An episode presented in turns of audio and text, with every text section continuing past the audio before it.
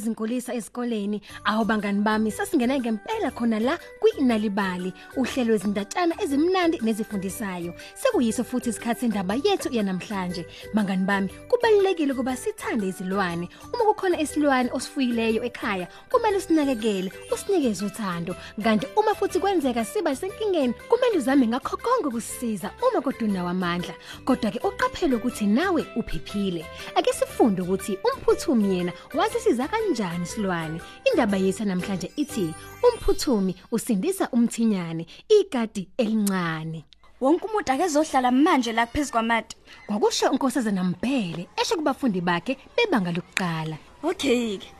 Kunento ebalekile kumele ngimtshele yona. umphuthumi yena wayebuka ngaphandle kwewindi wayebukela phela izinyoni zizikade zihlele ehlahleni ecabanga ukuthi mm kaze kunjani ukundiza bonke abantwana bahlala ngokukhulu kusheshsha kumata egumbini labo lokufundela ngaphandle kukamphuthumi Mphuthumi, kwakumemeza unkosazana Mbhele ngokukhulu ukuthukuthela shesha bo, uhlezi uphupha nje. Ngiyaxolisa miss. Awu zonke izingane zahlala phansi ngokuthula ngisho naye umphuthumi uMrs Mbhele yena wayephethe iphepha esandleni sakhe waqhubeka wathi Nginezindaba ezibalekile. Siqoqa isikhwama semali somtapowolazo wesikole. Sizoba nohlelo lweBig Walk. Ngizonika ke isiqephu sephepha. Kuzomela nonke niye emndenini nakomakhelwane benu nicela umnikelo wemali encane yawo wonke lamakhilomitha esizowahamba. Niyazi ngobani? Ingoba abantu abaningi banikela imali encane. Ngokusheshsha ke nje sizoba sinemali eningi. Imali yanele ukuthi sithenge incwadi ezintsha zomtapolazi. Sifuna wonke umuntu, umfundi nomfundi aqoqe ikhulu lamarandi, u100 rand. "Mm, umphuthumi bangani bami wezwa igama lemali Uma ngibe nemali eningi, ngizosithengela umdlwana. washo ezikhulumela yedwa waphinda futhi wezwa igama elithi walk Ey, uba benginomdlwana, bengizothatha sizambele nawo. Lalela sisanike manje. kwakusho uMrs Mbhele Ningalilahli leli phepha. Uma ulilahlile uzoyikhokhela yonke le mali esiyifunayo. Kuzomela ukhokhe ikhulu lamarandi elisuke ephaketheni lakho. bangani bami ngesikhathi umphuthumi ebuyele ekhaya ngaleyo mina ntambama wayesekhohlwe nya ngebig walk wayesekhohlwe ukuthi kwakudingeka acele umndeni abangani kanye nomakhelwane bakhe ngemali phela yomnikelo uMiss Impele webakhumbuza zonke izinsuku abafundi bakhe ngalelo sonto kodwa mngani wami umphuthumi yena wayekhohlwa njalo phela wayematasa edlala nomdlwane wakamakhelwane ewufundisa amasu ambalwa. Kodwa ke kugcineni lwafika usuku lapho wonke umuntu kwase kufanele phela akhangeze amaphepha esicelo somnikelo naye yonke imali ekolekiwe mngani wami.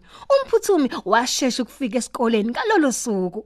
Wasaba mhla ebona abanye abafundi behambisa amaphepha egcwalisiwe asayindwa futhi. Kanye nezikhwama zemali ekadinikeliwe abazali abangani kanye namakilone babo. Ngizokwenza njani? ezibuza eziphendula mngani wami Oh ngiyazi. Isekhona imizuzu engamashumi amathathu ngaphambi kokuqala isikole. Ngokusheshsha nje ngizogijima ngehle njalo ngomgwaqo. Ngicela wonke umuntu engimbona ukuthi a- angixhase. Nangempela wehla njalo eyophuma ngesango lesikole ebheke ezansi komgwaqo abantu babekade bengenazi isikhathi sokuma nje baxoxe naye ngokungazelele wezwa iphimbo elincane phezulu kwekhanda lakhe wakotela esihlahleni kwakuhlela umthinyane ikade elincane Hawu, ubambekile emthinyana. kubuza umphuthumi Yima, ngizobuya ngizokusiza. Nebala wabuya ngokusheshsha umphuthumi wakotela esihlahleni ebheke phezulu lapho kuzace khona amagatsha esihlahla mngani wami.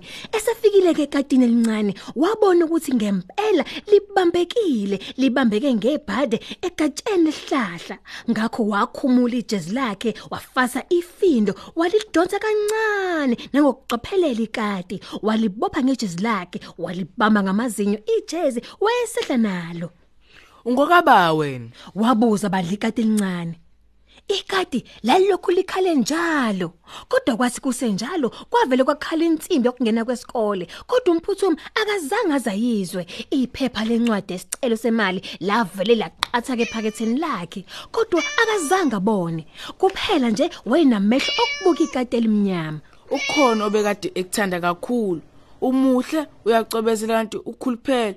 Unomqalo omuhle. Washo izincumela ikati ayiliphethe wesecabanga amahhovisi kadokotela usenzo udokotela wezilwane ukuze phela ezomtholela umnikazi walo. Ungesabi kati elincane. Ngizokisa kudokotela usenzo uzokuthelela umnikazi wakho. Nebala wehla njalo ngomgwaqo ngasekhoneni. Ikati elincane lalizihlalele phezulu kwengalo yakhe lalimuthanda umphuthumi wagcina efikile ke emahhovisi kadokotela. Ngithole ngekati elincane watshela enye yamantombazane yayisedeskini belibambekile Oh ngiyabonga. kwakuphendula intombazane iyaqhubeka yathi Sizogcina liphephile. Siphinde silithole nomnikazi walo. Wena mfana ungumfana olungile nothanda izilwane. wayesegijima ngejubane kumphuthumi ebheke esikoleni kwazisa ukuthi nesikhathi sasesihambile umisi impele wayethukuthele eganonwabo Ungani ufika lesi sikhathi? kuthetha umisi impele waqhubeka wathi Isikole kade siqalile. Sikuze kwaqeda nokuthandaza. ngiyaxolisa miss Bafundi, njengamanje soyisikhathi sokuletha amaphepha nemali eniyiqoqile eBig Walk. nangempela ngokusheshsha kukhulu wonke umuntu wayaphambili umisi impele wabhala phansi uhlu lwamagama abo kodwa umphuthumi yena wayezihlalele edeskini lakhe ezizwa nje ephatheke kabi mngani wami nephepha lakhe lalingekho futhi nje wayengaqoqanga ngisho nowodwa umnikelo umisi impele wayethukuthele Uyahlupheka bona mfana. Wena wede eklasini lonke ungazange libuyisa iphepha.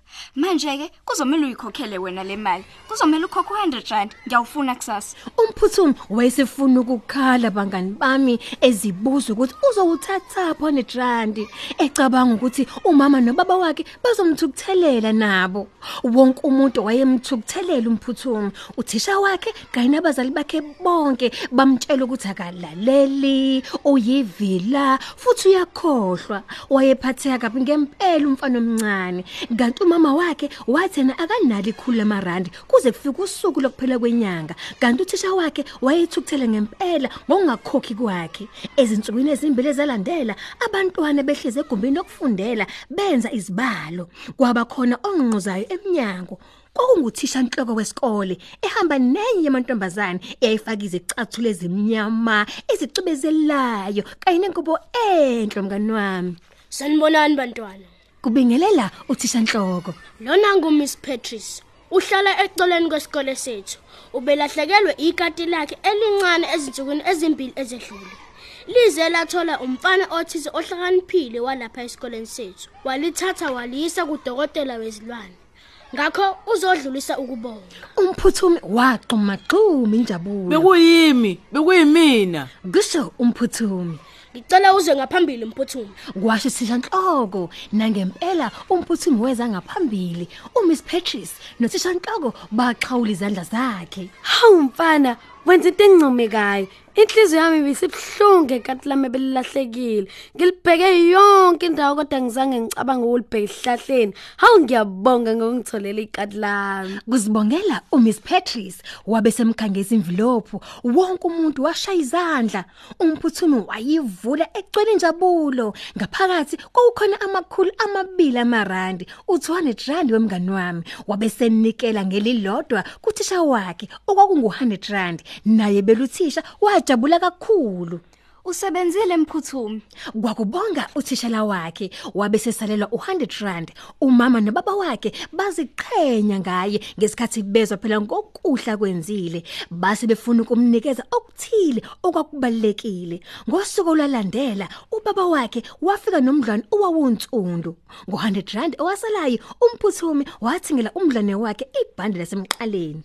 Manje sengizokwazi ukuhamba nawe noma ikuphi ngaleli bhandi washo kanje wabe segona umdlane wakhe ngothando olukhulu.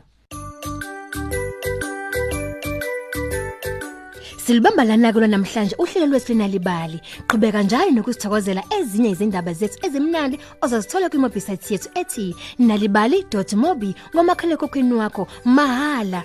Uphinde futhi uthole nangolimi lwakho oluthandwa nguwe noma thola ikhophi nalibali njalo ngamasonto ephepheni lakho iSunday World. Kanti futhi sikhona ku Mixit na ku Facebook. Thina njengenalibali sithi abuyisele ekhaya amandla endaba. Ni sale kahle.